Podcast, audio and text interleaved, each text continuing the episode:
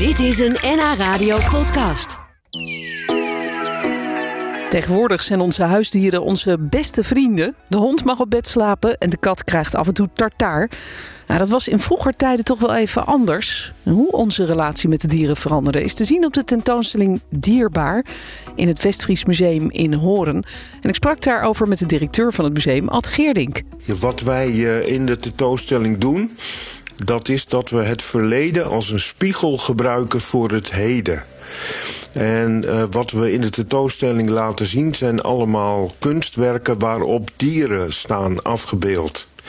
En uh, we gebruiken onze eigen collectie daarvoor om te laten zien uh, hoe mensen drie, vierhonderd jaar geleden tegen dieren aankeken.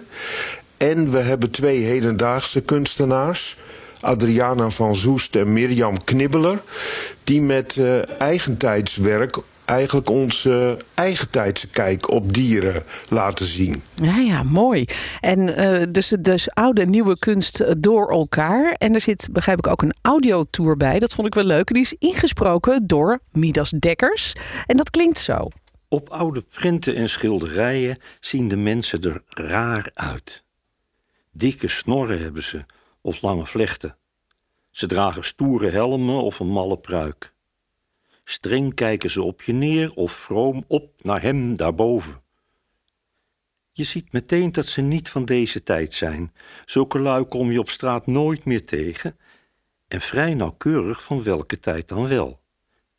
Elk tijdperk weer nemen mensen nieuwe gedaanten aan. Dieren niet. Die zien er hetzelfde uit. Of het schilderij nu honderd jaar oud is of duizend, zo snel gaat de evolutie niet. Hun vacht gaat niet met elke mode mee. Je herkent ze meteen. En lukt dat een keer niet, dan heeft een mens zich ermee bemoeid en een nieuwe kip, hond of koe gefokt.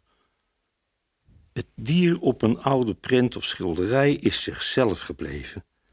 Ja, dat is een mooie observatie eigenlijk van Midas Dekkers. Leuk dat jullie hem eh, daarvoor hebben gestrikt. Ad, wilde hij meteen meedoen? Uh, hij zei meteen ja. En, en, en wij waren daar ontzettend blij mee. Want wie kan nu beter zo'n audiotour inspreken dan, uh, dan Midas Dekkers?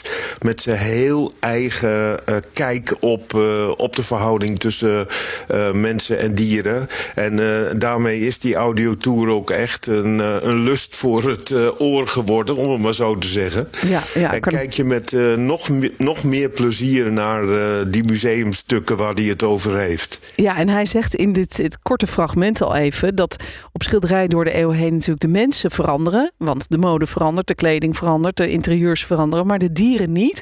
Maar jullie laten wel in, in die kunstwerken de veranderende kijk op dieren zien. Kijk, een hond is een hond natuurlijk door de eeuwen heen. Maar er werd wel anders naar gekeken. Hoe, hoe was dat bijvoorbeeld in de 17e eeuw? Hoe, hoe keek men toen naar de dieren? Uh, ja, de dieren uh, waren toch uh, meer gebruiksvoorwerpen. de dieren werden zelden afgebeeld als wezens met een persoonlijkheid of met een, een ziel. Midas Dekkers noemt ze ook wel metaforen op pootjes. dat wil zeggen dat dieren die stonden ook voor, voor bepaalde zaken. een heel mooi voorbeeld daarvan is een keukenstuk waarop je ontzettend veel en groenten, van alles en nog wat ziet afgebeeld. Maar ook een keukenmeid. En die keukenmeid is een, uh, een eend aan het plukken. En dat is niet toevallig dat de keukenmeid uh, een eend aan het plukken is, want dat verwijst naar het 17e eeuwse werkwoord vogelen. Aha. En vogelen uh, betekent vrijen. Dus het is een uh, erotisch uh, symbool. Ja, ja. Net als toch de hond was, stond voor trouw of zo. En de, en de aap voor ondeugd. Of hoe, hoe was het ook alweer? Absoluut. daar heb je helemaal gelijk in. Dus dieren, je ziet het bijvoorbeeld aan Chinezen geven het jaar. Een, het jaar van de, van de stier en het jaar van de hond. Nou ja, dieren zitten vol met, uh, uh, met uh, symboliek. neem alleen al de eenhoorn van Horen. De, de wapendrager van het wapenschild van Horen. Dat is een knalrode eenhoorn. Met een gouden punt op zijn hoofd. ja, dat straalde kracht en, en zuiverheid uit. en zo zitten dieren vol met, met symboliek. Maar op die schilderijen zijn ook nog wel andere dingen te zien. Want op een van de schilderijen zien we bijvoorbeeld het destijds eh, populaire vermaak van het palingtrekken. Dan hing men een paling eh, met zijn uh, kop, daar boorde men een touwtje door en dan hing die paling aan een touw. En dan was het de bedoeling om daar onderdoor te varen met je bootje. En dan de kop van het lichaam van de paling te scheiden. Dus de paling van het touwtje af te trekken. Ja, en zo had je ook katknuppelen.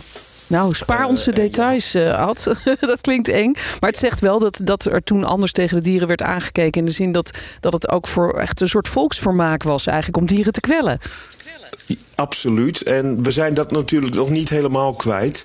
Nee. Want ook uh, illegale hanen- en hondengevechten die uh, vinden nog steeds plaats. Maar we zijn daar wel tegenwoordig veel uh, gevoeliger voor geworden. Hè. Kijk ook naar de protesten nu tegen het dierenvechten in Spanje... die steeds luider klinken. We, we, we zijn ons vandaag de dag toch anders uh, ten opzichte van de dieren gaan verhouden. We, we, we, komen er ook eigenlijk achter door uh, onderzoek dat dieren eigenlijk helemaal niet zoveel van ons als mensen verschillen. Nee. En in de 17e eeuw stond de mens toch op een heel ander, uh, uh, uh, ja, op een heel andere plek in Gods schepping dan vandaag de dag. Ja. He, er scheiden ons maar een paar chromosomen van, van andere dieren.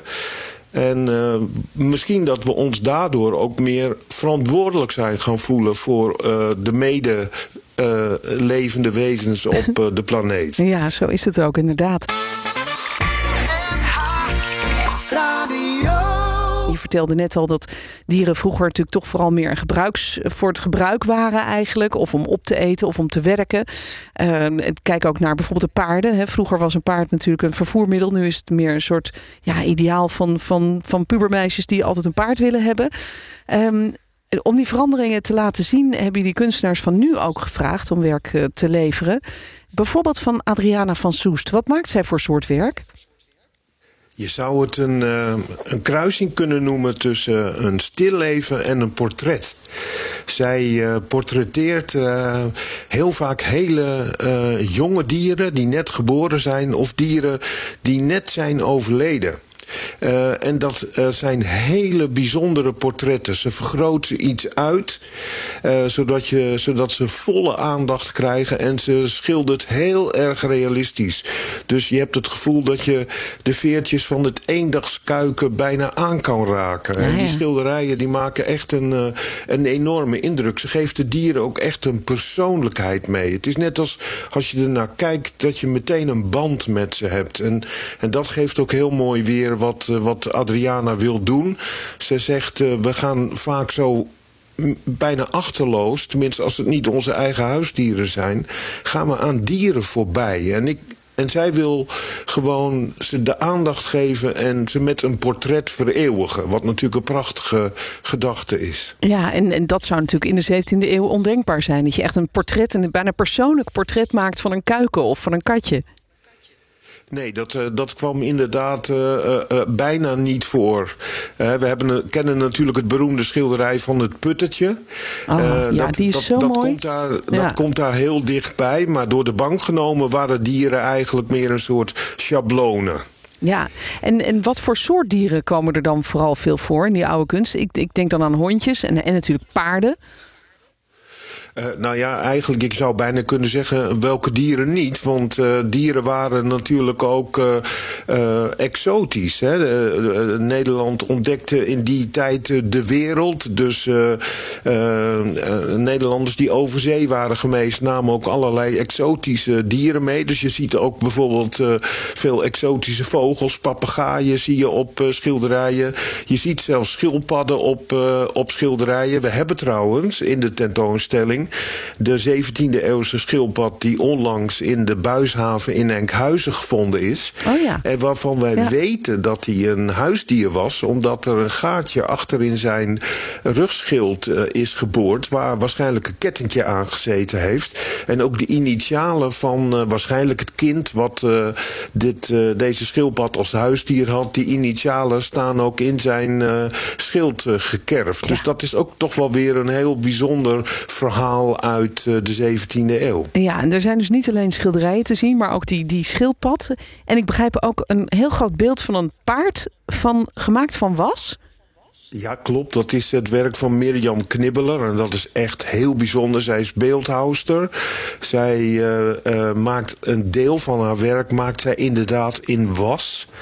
En dat is een heel bijzonder materiaal... waardoor de dieren een heel erg ingetogen eh, uitstraling krijgen, naar binnen gekeerd. En Mirjam zegt ook, ja, daarmee kan ik echt de kern van het dier eh, uitdrukken. En dat paard, wat dat zij drifter heeft genoemd, dat is echt meer dan levensgroot. En dat ligt, ja, ligt het uit te rusten of ja, is het misschien net overleden. Het, je, het- maar het zou ook ieder moment op kunnen staan. En met name omdat het van was is, krijgt het een beetje een doorschijnende huid. Oh ja, het, mooi. het is echt heel intrigerend eh, mooi gemaakt. Goed, en het is te zien in het Westfries Museum in Hoorn. Tot slot, eh, en dat is tot, tot en met 17 juli, dus we hebben nog even de tijd. Tot slot, Ad, heb jij zelf eigenlijk huisdieren?